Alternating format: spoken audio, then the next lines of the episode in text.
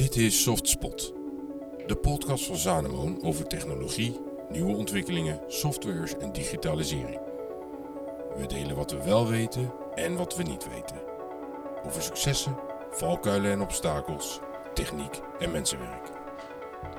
Welkom in de wereld van de Softspot. Luisteraars, mijn naam is Arjan Talentelo. Het is vandaag 7 maart 2022. In deze softspot gaan we het hebben over onder meer het bouwen van een remote DevHub. Wanneer je zelf in de IT-wereld zit en de sprong in het diepe maakt. Daarnaast de pro's over nearshoring en welke obstakels je op je virtuele weg tegen kunt komen. En ik heb zomaar het vermoeden als ik kijk naar mijn gasten aan tafel dat er nog veel meer ter sprake gaat komen. Welkom Paul Rijken en Olaf Zenits. Uh, zometeen even een korte introductie van jullie zelf. Paul, ik begin bij jou uh, als, als, als nieuwe klant. Um, jouw bedrijf heet Droppel. En toen ik dat hoorde, dacht ik: Droppel, druppel. Ja, wat, wat, wat, wat houdt die naam in? Vertel er eens iets over. Ja, wat dacht je aan? Een water of zo? Of, uh, dat is wel interessant om uh, terug te horen. Ja, een, een zekere prettige gestoordheid. nou, dat is wel een goede vibe wat dat betreft. Uh, ik weet niet of we gestoord zijn, maar wel prettig. ja, droppel, dat, de, de naam komt voort uit koppel, koppelen. Uh, droppel to je koppel, koppel to je droppel. Dus we wilden gewoon iets wat een beetje blijft uh, hangen. En uh, wat inderdaad even de vraag oproept van wat zit dat nou, wat is dat nou en hoe zit dat nou in elkaar. Um, wij zijn een start-up, we zijn in november begonnen.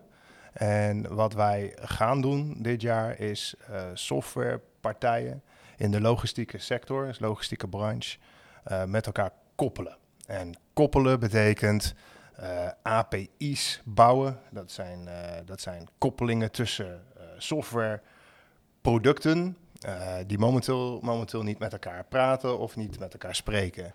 En daar hebben wij development slagkracht voor nodig. En die, die gaan wij bij, bij inkopen. Ja, en, en, en hoe komt een mens, een weldekkend mens, dan op het idee om ja, IT in de logistieke sector te koppelen? Ik bedoel, als leek, want ja. Zo, zo wil ik het ook blijven zien vanuit, vanuit wat ik hier mag doen. Maar je zou toch denken, joh, dat is het toch al lang? Ja, dat, dat, dat is in zekere zin is dat er ook wel. Alleen wat wij zien is dat er een, uh, een te weinig capaciteit is om koppelingen te schrijven door partijen. De, de logistieke branche die, eh, die groeit enorm. Hè. We zien dus in die e-commerce en, uh, en het uh, verplaatsen van pakketten momenteel een enorme groei. En um, ja, heel veel bedrijven lopen gewoon achter op het samenwerken. Dus dat betekent dat een couriersbedrijf wil koppelen met een andere leverancier. En um, ja, heeft op dat moment niet de slagkracht om die koppeling te schrijven. En dan blijft het achter, waardoor partijen niet met elkaar ja, handel drijven. En Waar dan wij... uiteindelijk de klant eh, hinder van heeft. Ja, zeker. Ja, ja. Het, het kan ook zomaar zijn dat er bestaande koppelingen zijn bij een, uh, bij een klant die, uh, die onderhouden moeten worden of die, uh, die getest moeten worden, waar geen tijd voor is. Um, dus je ziet gewoon momenteel echt de, de, de logistieke partijen als paddenstoelen uit de grond groeien. En development slagkracht in Nederland is schaars en heel erg duur. Uh, dus voor middelgrote partijen, uh, die zijn zoekende. En uh, daar denken wij een oplossing voor te nou, hebben. Hou me even vast, want je zit zo al helemaal in de mood dat je er met gemak nee, tot 12 ik kom los, uur... Ik kom los. Ik kom los. dat je er tot 12 uur vannacht over kunt spreken. dankjewel, Olaf. Um, ja. Dir Active. Klopt. Ja, ik denk dan aan directief, uh, sturend, komt even bij me op. Maar ja, jij weet goed over nagedacht. Ja, ja, um, hoe je aan die naam bent gekomen. En, en wat doe je? Neem de nou, wat wij, uh, uh, wat wij doen is wij ontwikkelen software ook op het vlak, vlak van logistiek. Maar wij doen alles in ziekenhuizen. Dus wij ondersteunen het logistieke proces in ziekenhuizen. En dan kan je denken van patiënten die van A naar B moeten worden gebracht. Uh, maaltijdkarren die van de keuken naar de patiëntenkamers vervoerd moeten worden. En andere logistieke stromen als medicijnen, postpakketjes. Je kan het eigenlijk zo gek niet bedenken. Maar alles wat van A naar B gaat in een ziekenhuis, dat kunnen wij met onze software faciliteren. En hoe bedenk je dan als ondernemer, wauw, mijn levensvervulling zit erin dat ik logistieke processen in de zorg aan ga pakken? Nou, ja, dat is een hele, hele mooie vraag, dank je. Uh, het bedrijf is niet door mij gestart. Ik heb het bedrijf overgenomen. En ehm, bij de verkoop van mijn vorige bedrijf had ik wel eh, eh, de drang om ook iets maatschappelijks verantwoord te gaan doen. Nou, dan ga je als ondernemer ga je zoeken en allerlei dingen bedenken wat er allemaal wel niet mogelijk is. Maar eigenlijk kwam het bedrijf Active op mijn pad terecht. En eh, na een aantal gesprekken met de voormalige eigenaar dacht ik van ja, dat is een heel mooi product om verder commercieel weg te zetten in de Nederlandse en de Europese markt. En zo is eigenlijk ja, mijn eerste stappen in, in de zorgwereld zijn eigenlijk op deze wijze gezet. En waar is je bedrijf gevestigd? We hebben een kantoor in Deventer en een kantoor in Tilburg. En van daaruit faciliteren wij onze klanten in Nederland en in het buitenland. Uh, wij zijn eigenlijk in het buitenland uh, meer vertegenwoordigd dan in Nederland. Ongeveer 270 ziekenhuislocaties in Europa maken gebruik van onze software. En dat doen we dus vanuit Deventer en, en Tilburg. Mooi. Nou, genoeg gesprekstof waar we met gemak uh, meerdere podcasts mee kunnen vullen. We gaan kijken hoe ver we komen, uh, Paul en Olaf. Uh, bewust noem ik vanwege de situatie in de wereld de datum van deze podcast. Want die podcast kan ook later beluisterd worden. Vandaag 7 maart. Nog niet zo lang geleden, Paul. Ik begin even bij jou. Ben jij in, spreek het goed uit, Chernivtsi geweest? Ja, dat klopt. We zijn zelfs samen geweest. Olaf en ik. Ja. Nou, dan, dan, is het heel mooi om het vanuit een verschillend perspectief mogelijk uh, te belichten. Um, ja, wat, wat, wat, wat, wat heb je daar gezien? Wat heb je daar aangetroffen?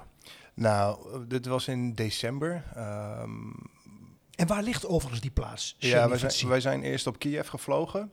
En vanuit Kiev zijn we met een uh, nachttrein uh, ten westen van Kiev uh, naar Chernivici gegaan. Dat was denk ik een goede 13 uur in zo'n boemeltreintje gedurende de nacht met een aantal stops onderweg. En, maar prima voor elkaar. Um, is een, is een middelgrote stad in Oekraïne waar ongeveer 200.000 mensen wonen. Um, momenteel, zoals we weten, is de situatie natuurlijk penibel. Um, en dat maakt het ook wel voor ons best wel persoonlijk. Ik bedoel, wij liepen in december nog uh, door de hoofdstraten van Kiev uh, met een elektrische step. En nu gaan de raketten daar, uh, eroverheen. Dus ja. dat maakt het gewoon heel persoonlijk. We hebben mensen leren kennen van het team. Um, ja, we, we, horen nu ook de verhalen één op één. De appjes komen binnen. Um, we kennen Zanemo goed, waardoor we natuurlijk ook dagelijks geïnformeerd worden. Um, dus er is wel wat aan de hand. En uh, dat heeft ook ongetwijfeld eh, invloed op onze business en ook op de samenwerking die we aangaan met elkaar. Ja. Nou, daar gaan we het later nog even over hebben. Olaf, neem ons eens mee in jouw beeld van wat je daar toen zag. En als je dat wil en kunt koppelen aan de situatie nu. Ja, het is uh, heel lastig. Ik merk dat ik er de afgelopen anderhalve week in mijn dagelijkse werkzaamheden ook erg veel last van heb. van de hele situatie. Ehm, Kijk, wij, wij zijn eigenlijk zijn wel een stap verder dan, dan wat Paul is op dit moment. Wij hebben daar een, eh, een werkend team met mensen die daar uh, voor ons gewoon software aan het ontwikkelen zijn. Dus daar is uh, um, al veel meer een persoonlijke relatie met mensen in Oekraïne dan wat Paul heeft. En ja, dat maakt het ook wel heel ingrijpend en heel lastig omdat je nu gewoon direct meekrijgt, eh, eh, wederom via de app en via de mail, filmpjes, foto's, schrijnende verhalen van ouders die gescheiden worden van elkaar, kinderen die helemaal over de rooien zijn. Ja, dat grijp je wel aan. En ehm, dan is het ook heel lastig om je focus op het, uh, op het ontwikkelwerk te houden. Niet alleen voor ons, hè, want ik heb ook ontwikkelaars in Nederland zitten die hè, als sparringpartner fungeren voor onze uh, Oekraïnse collega's. Maar dat, uh, dat merk je gewoon dat het, dat het heel erg aangrijpend is. En dat de werkzaamheden die je met elkaar hè, in de afgelopen maanden gewoon helemaal voorbereid hebt. En hè, plannen die je met elkaar hebt gesmeten. Hè, zowel, maar ook de, de uitjes die je met elkaar hebt, hebt voorbereid. Ja, dat, dat gaat eigenlijk allemaal niet meer door. En er wordt eigenlijk gewoon weer een muur opgetrokken tussen, tussen beide organisaties. Terwijl we net hè, uh, volledig met elkaar geïntegreerd waren. Ja, en dat, dat is wel iets waar we, waar we nu over aan het nadenken zijn. Van ja, goh, hoe kunnen we, hoe kunnen we verder? Kunnen we op deze wijze verder met, met, met elkaar? Want hè, hoe, hoe, hoe erg het ook is hè, voor, voor, uh, uh, voor alle mensen in Oekraïne, niet alleen de mensen die bij Codifier werken, maar voor alle mensen.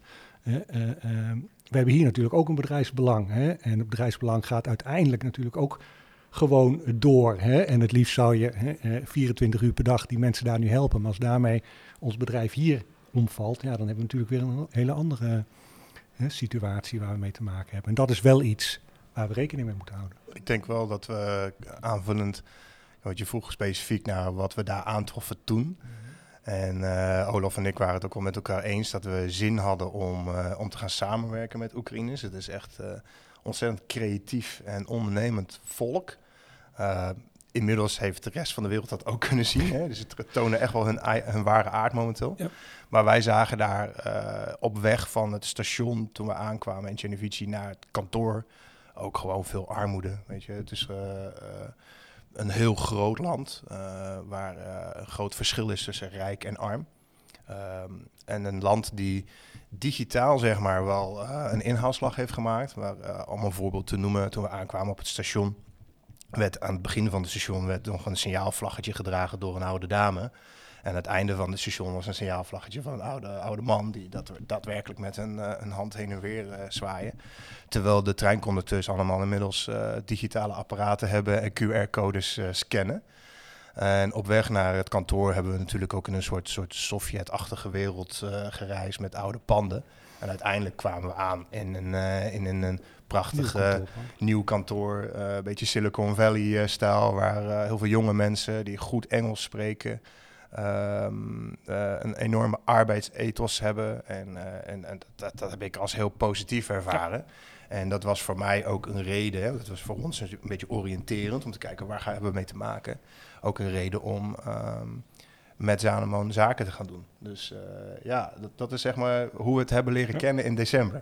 Ja. Ja, ja, ik denk dat de mensen inderdaad, hè, wat Paul ook zegt, uh, uh, qua beleving hè, en qua, qua visie en structuur van werken, toch echt wel uh, redelijk dicht bij ons, uh, bij ons liggen. Hè? Um, nou, even onderbiedig gezegd, het niet lullen maar poetsen, poetsen verhaal, hè? dat kennen zij daar ook, hè? net als wij dat kennen hier in Nederland. En ja, dat, dat, dan merk je wel dat je heel snel een team op kan zetten en voor je kan laten, laten werken. Dat is wel heel positief, wat mij Hè, verrast heeft van een land als, als Oekraïne. Waarvan je eigenlijk denkt van nou dat ligt mijlen ver bij ons vandaan. Het is eigenlijk qua kilometers dichterbij dan Barcelona. je vliegt er binnen twee uur vlieg je er naartoe. dus het is, het is helemaal niet ver weg. En dat merk je op dat soort momenten. en de armoede die is daar inderdaad, die zie je ook. Maar aan de andere kant zie je ook een heel welwillend en, en bereid volk om zich daaraan te ontworstelen. En ja, dat is iets wat ze de afgelopen jaren hebben gedaan. Waar wij vanuit direct misschien een heel klein steentje aan bijdragen. Maar dat wordt, uh, wordt nu natuurlijk allemaal weer uh, teniet gedaan door alles wat er nu gebeurt. Ja, nee, daar heb ik nog, daar zie ik mooie haakjes nog voor, voor verderop in deze podcast. Um, een minuut of vijf geleden, uh, Olaf, had je het over. Uh, we zijn nu aan het nadenken over hoe nu verder in, in, in zeg maar de nieuwe realiteit, de nieuwe werkelijkheid. Waar we niet omheen kunnen.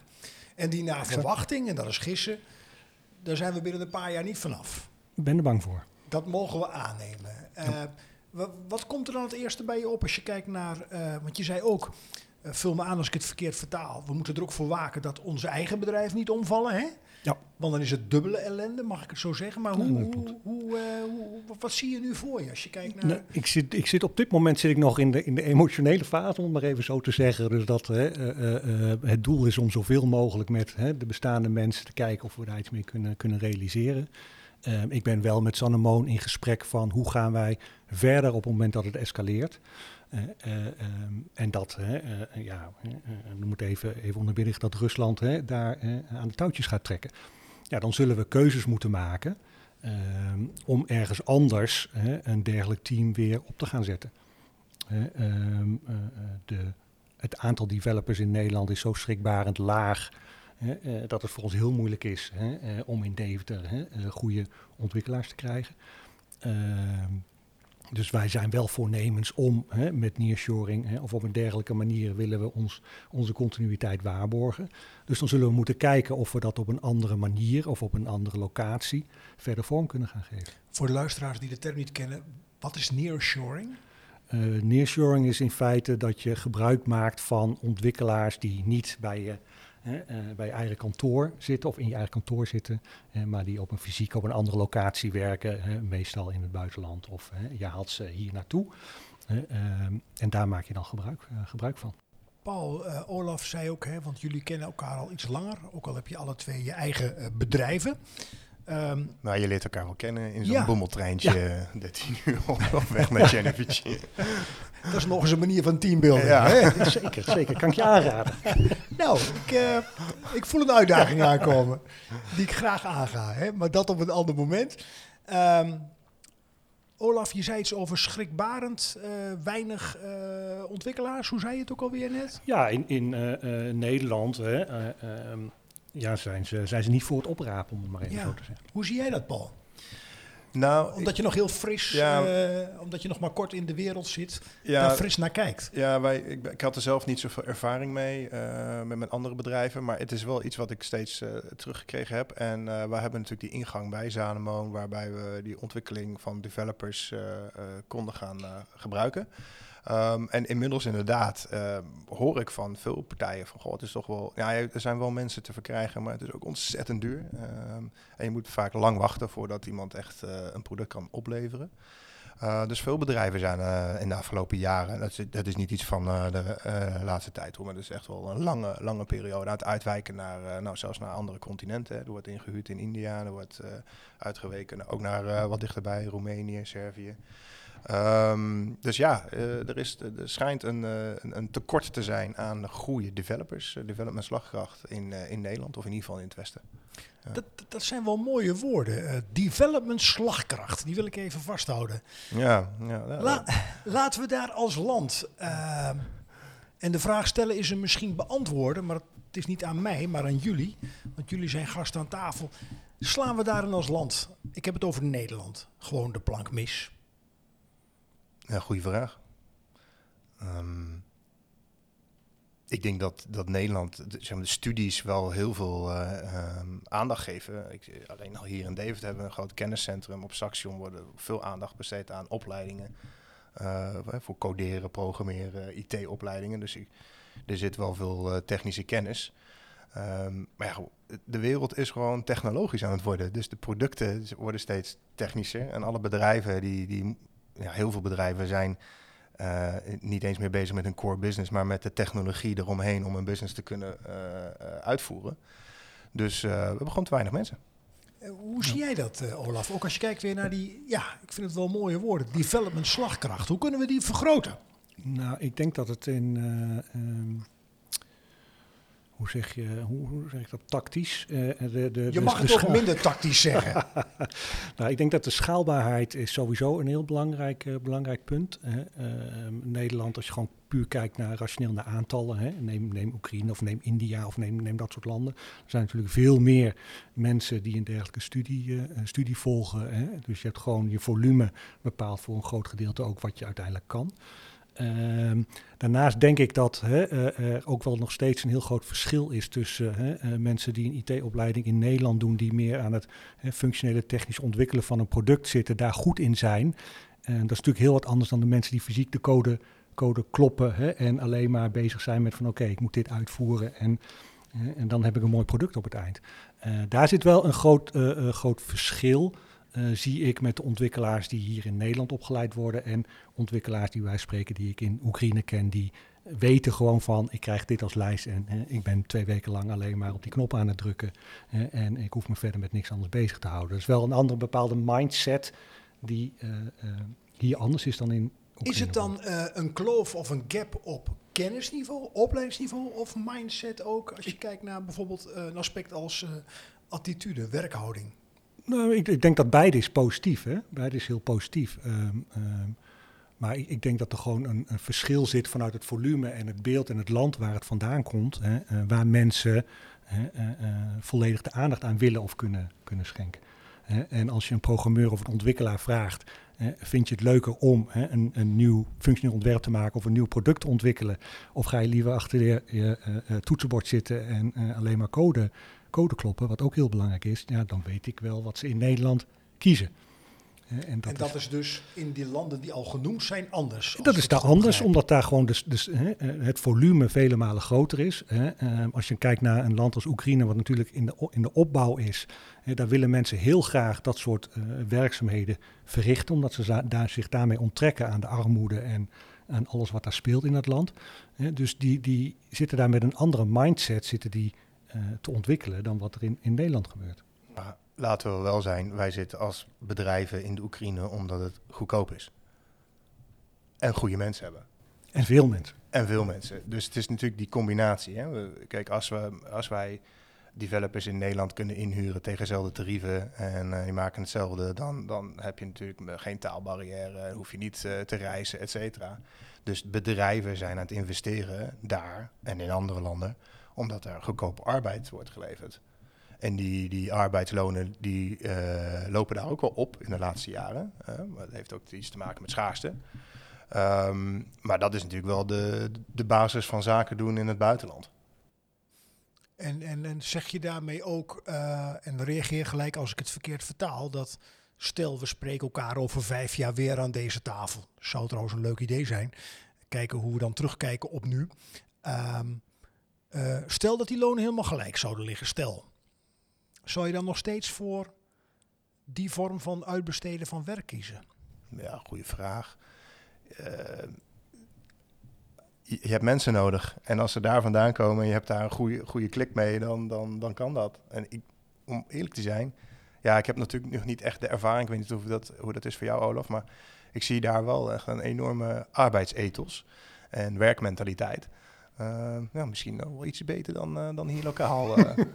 dus ja, als je dan als je alleen al om die reden zou je ook die keuze kunnen maken. De wereld is veel, vele malen groter dan alleen Nederland. Hè? Um, dus je ziet het, zag het in de, in de coronacrisis natuurlijk ook, hè, dat kantoren leeg stonden en mensen gewoon op afstand hè, alles eigenlijk ook gewoon prima konden doen. Dus de noodzaak om hè, uh, alleen maar vanuit Nederland te ontwikkelen, die is er voor ons zeker niet. Um, ik ben het wel met Paul eens. Kijk, het blijft natuurlijk altijd een kostenbaten waterverhaal. Dan moet je als, als ondernemer, als organisatie, moet je daar natuurlijk altijd scherp, uh, scherp op zijn. Dus uh, uh, of, je gaat, of je alles dan weer naar Nederland haalt op het moment dat de tarieven gelijk zijn, dat weet ik niet. Denk het niet. Ik denk dat er eerder weer een zoektocht plaatsvindt naar een, een ander opkomend land wat zich zeg maar, op dezelfde wijze wil en kan profileren als dat bijvoorbeeld in Oekraïne nu doet. Nou goed, hypothetische vraag. De realiteit is dat we heel veel developers vanuit Oekraïne nu vluchten naar het uh, westen, ja. hè, naar Roemenië, naar Polen, uh, ook wel naar Nederland komen. Dus we zien, uh, ik heb ook begrepen van Zanemon dat de cv-lijst groeiende is. Dus ja, je hebt gewoon nu meer mensen voorhanden om, om in te huren. Um, die mensen moeten we helpen. En die zou ik momenteel uh, verkiezen boven een uh, developer in Nederland als die beschikbaar kwam. Alleen al is het om die mensen te steunen die ja. nu aan het vluchten zijn. Mooie gedachte, uh, Paul. En aan het einde van deze podcast komt er ook nog even op terug. Een mooi initiatief vanuit Sannemon om ja, het werk daar aan de gang te houden. Mm -hmm. um, even terug naar nearshoring, Olaf. Hè? Um, voor, voor de mensen die daar nog geen ervaring mee hebben. Wat, wat, wat, wat zou je, heb je wat tips en tricks van werken met nearshoring? Uh, drie. Aandacht, aandacht, aandacht. Verklaar je nader. Ik snap hem. De drie A's. Aandacht, aandacht, aandacht. Ja, precies. Tri triple A. Triple A. Ja, um, nee, het, het, het, staat of valt hè, uh, uh, met, met, met persoonlijke aandacht. Hè, met hoe, hoe, hoe krijg je die mensen aan boord? Hè? Dat hele onboardingproces, hè, dat is, dat is zo, zo'n basisvoorwaarde om een team goed te laten functioneren. Ja, dat dat aandacht uh, eigenlijk alles is hè, om uh, uh, met zo'n partij aan de, aan de slag te gaan. En, en, en ja, dat onboarding, vergeef me dat ik het zo zeg, die kun je in de top 10 van de jeukwoorden bingo zetten. In Nederland, HR heeft het ook over onboarding ja. en offboarding ja. en outboarding. Ik denk, ik ga een vliegtuig in, maar dat ja, even terzijde. Um, dat we dat moeten doen, aandacht, allemaal over eens. Iedereen die ook luistert nu. De vraag is alleen, hoe doe je dat dan? Nou, het, het, mooie, heel, heel het, mooie, het, het, mooie voorbeeld is dat je, dat je er moet zijn voor mensen. En uh, het feit dat, hè, uh, dat Paul en ik hè, 13 uur in zo'n trein gaan zitten om het team hè, te woord te staan hè, en een hapje met ze te eten en een, een borreltje te drinken en met ze vervolgens ook alle stappen en het plan door te nemen. Ja, dat soort aandacht, dat wordt wel gewoon uh, heel erg gewaardeerd en is ook absoluut noodzakelijk om er een succes van te maken. Uh, als je het alleen maar hebt over de, puur het werktechnische deel van het onboorden van een team. Ehm, ja, dan merk je in ieder geval, hè, als ik kijk naar de cultuur in de landen waar wij nu zitten, ja, dat is maar fractioneel wat te maken heeft of wat, wat toebedeeld kan worden aan het succes wat je uiteindelijk wil bereiken. De persoonlijke aandacht, is, is misschien wel 80% van het, uh, van het succes van het team wat je daar neerzet. Je zegt misschien. Is dat niet gewoon een gegeven? Nou, ik zeg misschien omdat het gegeven misschien wel, uh, omdat het gegeven waarschijnlijk is 90 procent. Hoe doe jij dat momenteel, Olaf? Als je, zeg maar, je hebt gewoon iedere dag uh, telefonisch We hebben op dit moment uh, stand-up meetings iedere dag. En uh, dat was twee keer ehm, per week. Dat is nu gewoon iedere dag, hè, omdat je gewoon niet alleen over werkgerelateerde zaken wil praten, maar dat je ook merkt dat de mensen daar een uitlaatklep willen hebben. Heb jij dan één aanspreekpunt daar, die dan dat team verder... Gewoon, we hebben gewoon, ons hele team zit, daar, zit daarbij in. Hè. Dus okay. dat zijn uh, drie, uh, drie personen die daar nu continu aan het werk zijn voor, voor ons. En die zijn, iedere dag hebben we daar contact mee. Het zijn via Teams. lukt niet altijd, omdat de verbinding niet altijd helemaal optimaal is op dit moment. Dus dan is het gewoon via, via GSM, gewoon even bellen met elkaar. Maar dat persoonlijke contact, dat hebben de mensen nu wel echt, echt is nodig. Daar, is Sanemon daar dan ook bij nee. als partij? Nee, dat ja. wordt gewoon helemaal uithandig. Nee, in principe, kijk, het, het, het grote voordeel van Sanemon is die, die faciliteert de mogelijkheid om een team daar neer te zetten en die regelt alles daaromheen. Ja. En het hele prettige vind ik, hè, want ondernemers houden er niet van alsof de schouder wordt meegekeken, hè, dat Sanemon op dat moment een, een fikse stap terug doet. Uh, en eigenlijk even gewoon, dat is jouw team en, en regel het. Uh, wat mij ook aansprak destijds bij Zannemoon, was ook zei van, zorg er nou voor dat dat team gewoon een onderdeel wordt van je eigen organisatiecultuur. Nou, dat bereik je natuurlijk ook alleen maar door ze echt actief bij je eigen organisatie in Nederland te betrekken. Dus vandaar ook dat we iedere dag op dit moment het niet alleen hebben over de technische aard van de werkzaamheden, maar ook het sociale aspect. Nou, ik noemde net al even het woord hè, teamuitjes, wat helaas nu niet hè, uh, uh, uitgevoerd kan worden. Maar we hadden al een heel plan hè, dat er een man of vijf vanuit Oekraïne naar Nederland zou komen. Met allerlei leuke hè, uh, festiviteiten eromheen. Ja, dat staat nu allemaal even in de ijskast, maar dat is wel noodzakelijk. En ook heel leuk hè, om op zo'n manier het succes te bereiken. Ja. Even een hele andere vraag. Die heb ik zo meteen ook voor jou. Uh, Paul, uh, voor Olaf. Uh, wie of wat inspireert jou?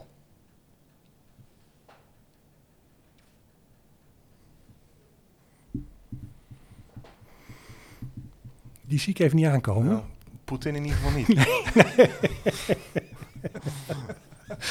Nee. Zelensky misschien? Ja, dat is allemaal wel voor de hand liggend. Ja. Uh, ja, dat is, ik zou er zo even 1, 2, 3 geen antwoord op weten. Het is natuurlijk een makkelijke vraag om te zeggen van hè, misschien je vader of hè, anderen, maar uh, wie mij inspireert. Er is geen moment. goed of fout, hè? Nee, nee, nee, maar ik zoek wel even iets wat, wat aansluit, hè, een beetje op, op de podcast waar we, waar we mee bezig zijn. Hè. Uh, en dan moet ik nog even, even zoeken in mijn, uh, in mijn hoofd. Oké, okay, dan geef ik je die tijd even. Dan ga ik even naar uh, Paul toe. Um, vertel eens over een professionele mislukking die je in het verleden hebt gehad. Ja, poeh, dat zijn er zoveel. nou, wat is je top drie? wat is je top drie? Ja, we hebben het hier natuurlijk over technologie. Um, en ik ben vrij nieuw in deze wereld, dus er komen nog heel veel mislukkingen aan. Uh, het is vallen en opstaan. Um, in mijn professionele carrière heb ik blunders gemaakt, heb ik uh, relaties uh, ja, die niet goed, goed zijn gegaan.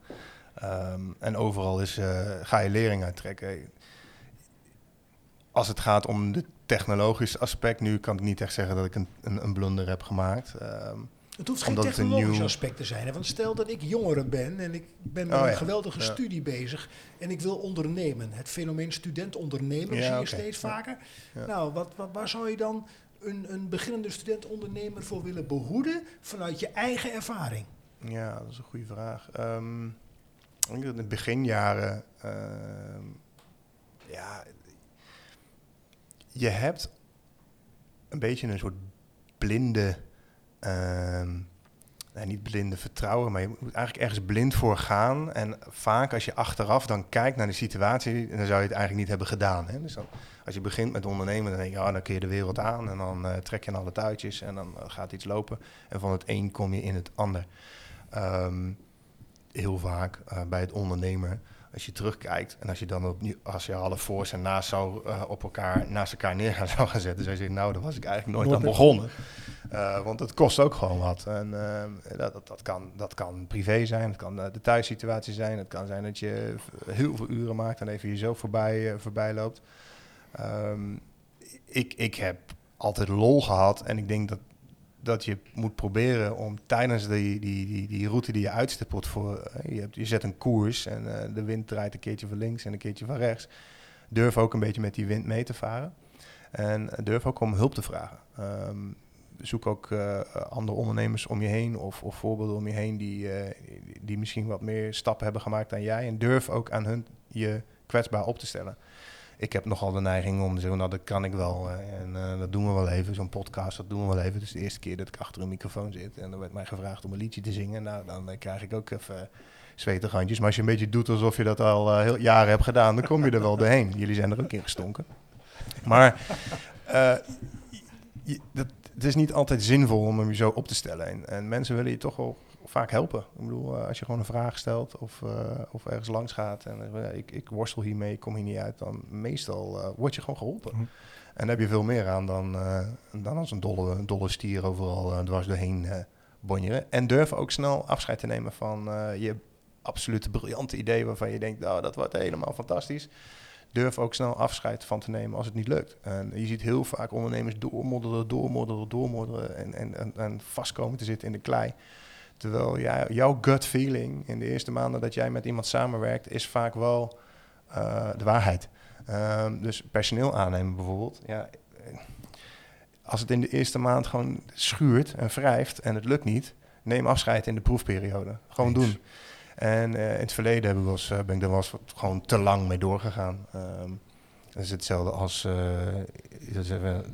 ik verhuur ook vastgoed en dan heb ik huurders. En op een gegeven moment komen ze bij je van, ja, ik, ik heb een betalingsregeling nodig. Of ik heb, ik heb het even moeilijk. En dan, nou, ik ben een sociale gast. Zeg, ja, wat kun je wel betalen en hoe gaan we dat dan doen? En dan ga je betalingsregelingen aan. En, of je gaat korting geven. Uiteindelijk, strandje je helpt vaak iemand door eigenlijk een lijn te trekken van nou, tot hier en niet verder. Je kunt ook geen boodschappen doen bij de, bij de Albert Heijn zonder te betalen.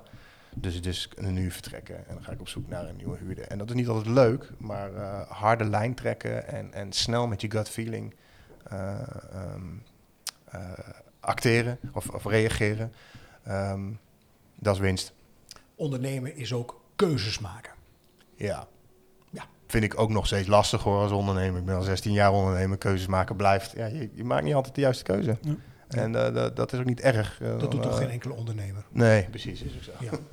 Even, even terug naar jou, want je hebt even tijd gehad om na te denken. Ja, Wie inspireert jou? Uh, nou, ik, ik, er zijn meerdere mensen die mij, die mij inspireren, zowel op technisch vlak als op sociaal vlak. Um, Uh, en nu is een van mijn, hè, uh, van mijn coaches, hè, ik zit met een investeringsmaatschappij, die, uh, en daar zit een, een be bepaalde manier in. En die inspireert mij, hè, met name op het sociale vlak van hoe breng je je onderneming hè, een stap verder. want dat is voor mij toch wel een heel belangrijk gegeven. Je wil je organisatie verder laten groeien. En daar heb je de juiste mensen voor nodig. En wat Paul net ook terecht aangeeft, hè, je moet je kwetsbaar opstellen. Je moet hè, ja durven zeggen en nee durven te zeggen. Ja, dat is niet altijd even makkelijk. En daar heb je uh, mensen bij nodig die dat al vaker hebben gedaan of die jou daarbij op de goede weg helpen. En ja, ik ben blij dat ik zo iemand heb die mij eens even het licht op mij zet en zegt van ja Olaf, waar ben je op dit moment nou helemaal mee bezig? En leg mij dat nou eens even uit. Of zou je dat de volgende keer weer op deze manier doen? Ja, weet je, dat is dat soort opmerkingen die heb je als ondernemer, hè, heb je die wel nodig om inderdaad niet maar door te blijven rennen. En toch af en toe ook even je, je, je rust te pakken en alles in perspectief te bekijken. Mooi, mooi. Mooi verwoord. Dank je wel. Um, nog even kort terug naar die nearshoring. Hè? Um, zitten er ook nadelen aan? Ja, er zitten de, de, de, de nadelen. Ik, ik zie steeds minder nadelen.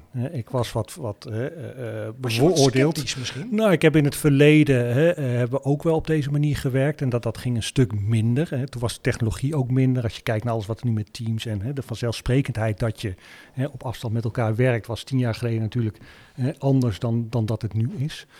Uh, um, dus, dus dat is wel een, een bepaald gegeven. Ja, dat ik daar nu wel, ik kijk er nu wel met een andere bril naar dan, dan tien jaar geleden. Um, dus ja. ja. Nou, nou is um, Paul nog relatief nieuw hè, in die ervaring. Dat gaf je net zelf ook al even aan. Uh, stel een luisteraar die overweegt ook uh, dat als oplo- oplossingsrichting te zien om, om development capaciteit eh, gerealiseerd te krijgen. Welke, eh, welke valkuilen zitten daar mogelijk in? Of wat zou je, Nou, ik waarvan zou, zou je zeggen, bijvoorbeeld tegen Paul en ook andere luisteraars, daar heb je op te letten. Je hebt daar zeker op te letten dat je, eh ehm, laat ik anders zeggen, ik zou in eerste instantie zou ik met, hè, met een partij als Sanemoon of hè, waar je op dat moment dan ook mee in gesprek bent, eh, is goed om tafel gaan zetten om je plannen te bespreken, omdat zij natuurlijk al vaak een beeld en een idee hebben van, nou ja, we gaan naar organisatie X en daar zitten deze developers, kunnen zij je helpen, ja of nee? Dat is al vaak een hele belangrijke stap, omdat je als ondernemer denkt van, nou dat gaan we even zus doen, doen we even zo, dan hebben we een paar mensen er zitten en huppakee en het is klaar. Maar ja, zo, zo werkt het spel natuurlijk niet. Het kost heel veel voorbereidingstijd, hè, niet alleen voor jezelf, maar ook voor Zanemone en ook voor de partij waar je op dat moment dan mee gaat samenwerken. Ehm, en daar moet je denk ik met name heel veel tijd en energie in steken. In het voortraject om te zorgen dat je heel duidelijk weet van dit wil ik gaan doen, dit is mijn budget, dit is mijn doorlooptijd, hè, dit heb ik gewoon nodig, hè, dit heb ik zelf al in huis. Want als je dat gedurende het traject allemaal nog moet gaan ontwikkelen, ja, dan kost het je als ondernemer sowieso extra tijd en extra tijd is extra geld en extra frustratie en noem het allemaal maar op. Dus alles wat je aan de voorkant af kan dichten, dat zie ik eigenlijk als belangrijkste stap om een succesvol team in het buitenland, en of het dan Oekraïne is of India, dat maakt niet uit, om het daar neer te zetten. Dus besteed voldoende tijd en aandacht aan de voorbereiding. Ja, meer dan voldoende tijd. Dus als je denkt van nou, ik, ik ga er 100, hè, maak er dan gewoon even 200 van. Ik wil nog even een bruggetje maken naar jullie eh, eigenlijke business. Ik Ja. begin bij jou, eh, eh, Olaf. Eh, logistieke processen in de zorg. Hè? Ehm, ik kan me voorstellen, zorg, ziekenhuizen. Als ik het goed zeg, zo'n 100 ziekenhuizen in Nederland, even grof. Nee, 270 in Europa. Omdat je ook internationaal werkt. Ja, wij we hebben een x-aantal ziekenhuizen in eh, Nederland die onze software eh, gebruikt, maar wij zijn eh, groter in het buitenland. Is, is, is die, die, die op beslisniveau, hè, want er moeten keuzes gemaakt Mhm. worden. Heb jij het idee dat de zorg in algemene zin eens rijp is voor ja, meer, meer, meer IT in de bedrijfsvoering? Ehm ja, zeker. zeker. Je ziet natuurlijk nu door alles wat met, eh, met corona te maken heeft, dat eh, met een mooi woord IT-awareness in ziekenhuizen wel even iets, iets hoger, groter is geworden. Hè, waar, Ook bij de, de, de, de handen aan het bed? zeker zeker bij de handen aan het bed. Hè. Ehm, eh, kijk, primaire zorgsystemen, hè, eh, die zijn er al eh, heel lang en heel veel. En ieder ziekenhuis die heeft wel hè, een, een, een primair zorgsysteem met alle patiëntengegevens en data, et cetera, et cetera. Waar wij ons met name op focussen, dat zijn in feite secundaire zorgsystemen. Dus alles wat hè, faciliterend is aan het primaire zorgproces. En eh, je ziet nu toch wel steeds meer, omdat er natuurlijk steeds minder mensen ook werkzaam zijn in de zorg. Iedereen weet dat tekorten zijn in de zorg. Ja, dat er software nodig is om het proces optimaal te laten eh, functioneren. Want anders gebeurt er niks. Hè. Die maaltijd moet nog steeds van de keuken bij de patiënt terechtkomen. Ja, en als je niemand hebt of je kan het niet zo efficiënt mogelijk inkleden, ja, dan zitten die mensen te wachten op, op eten. Hè. Of ze moeten naar een behandeling worden gebracht. Ja, als dat te lang duurt, hè, ja, dan heb je natuurlijk al heel snel eh, A, dat de patiënt gefrustreerd raakt. Want ja, die moet naar fysio, maar er komt niemand.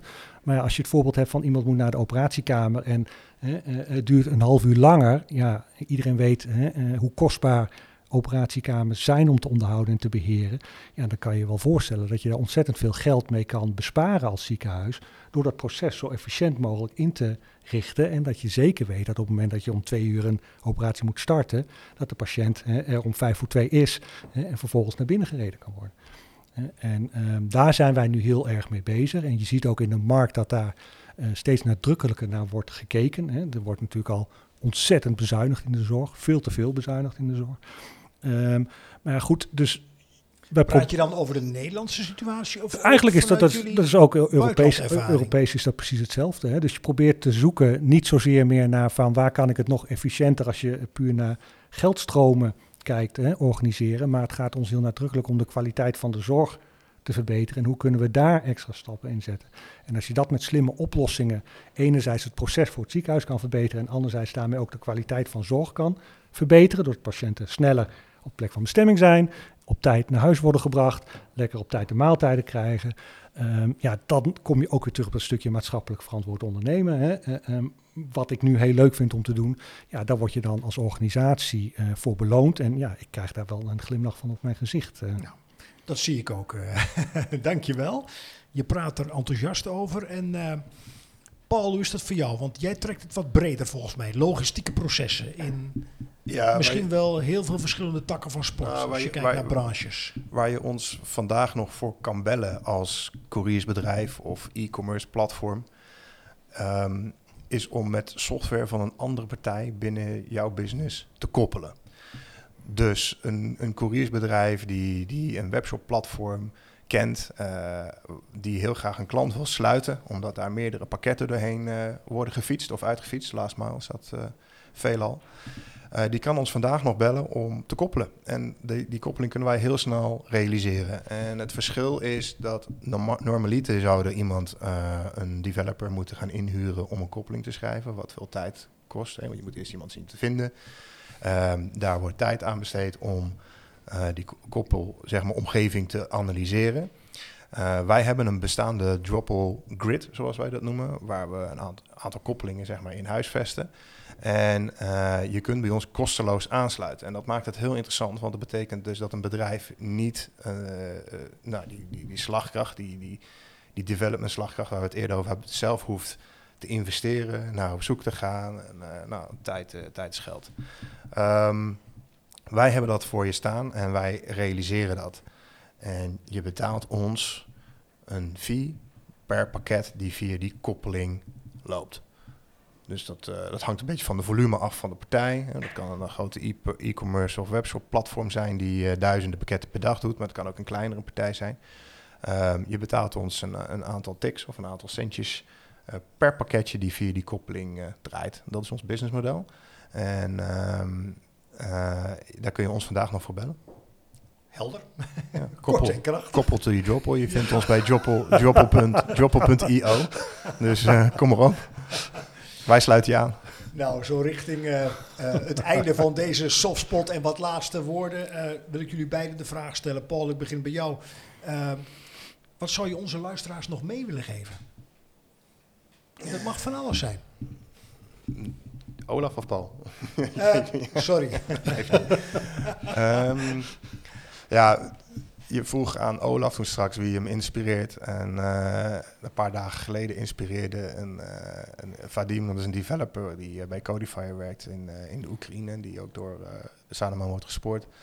Die, ehm, ja, die heeft zijn, zijn kop kaal geschoren, een lege jas aangetrokken en die is naar Kiev gegaan. om in de frontline mee, mee te vechten. Maar er zijn ook developers die nu echt vragen, joh, wij willen gewoon doorwerken. Uh, die oorlog stoppen we misschien niet direct nu, maar we willen niet het werk stoppen. En als wij kunnen blijven werken, dan hebben we inkomen, kunnen we blijven providen. Een aantal van die developers is onderdeel geworden van het uh, hack-team, cyber-team. Uh, die, er wordt momenteel heel veel cyberaanvallen door Rusland op Oekraïne uitgevochten in de IT. En dat zijn gewoon knappe koppen die met elkaar nu in die, in die teams zitten. Um, dus wat ik de luisteraars zou willen meegeven is doneer dat team, zodat zij hun werk kunnen blijven doen. En dat kan via why, do, why donate. Whydonate.com. .com. Um, ja, daar, daar, kun je dus een, een, een, kleine bijdrage doen en alle kleine beetjes helpen. En dan kan dat team uh, ja, toch nog enigszins dat Russische uh, agressi aggressiveness uh, afhouden. Dat is de bedoeling.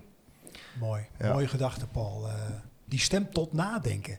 Uh, Olaf, jij, heb jij er nog wat op aan te vullen? Of mag ook iets heel anders zijn? Nou, en Paul neemt me de woorden uit de mond. Ik denk dat dat, hè, uh, um, gezien de situatie waarin we nu zitten, um, ja, dat dat eigenlijk even het, belangrijkste is en de kern uh, van waar we op dit moment mee bezig zijn. Dus dat we mensen kunnen helpen en ondersteunen waar, uh, waar nodig. Ja. En uh, business gaat door, moet ook door.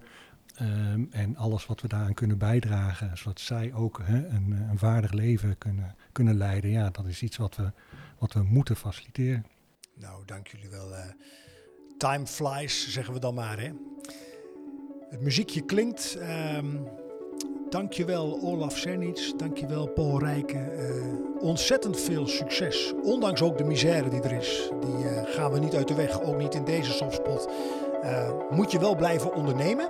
Ja, dankjewel. En, de, de naam werd al even genoemd en in een van de andere podcasts ontstond spontaan de hashtag Stop War Not Work. Daar gaan we wat mee doen, want uh, via Giro 555 vandaag enorm veel goede inzet van iedereen om de humanitaire kant, de humanitaire hulp, vorm en inhoud te geven, vooral middelen te creëren. Maar via hashtag StopWarNotWork willen we ook vooral uitstralen dat werk, werk gewoon belangrijk is. Heel belangrijk. Ja, en inderdaad via whydonate.com uh, luisteraars. Ook al is het 5 euro, 10 euro, 25 euro of veelvouden daarvan. Uh, vele druppels maken Dank u wel voor het luisteren en tot de volgende Softpot. Dankjewel. Dankjewel.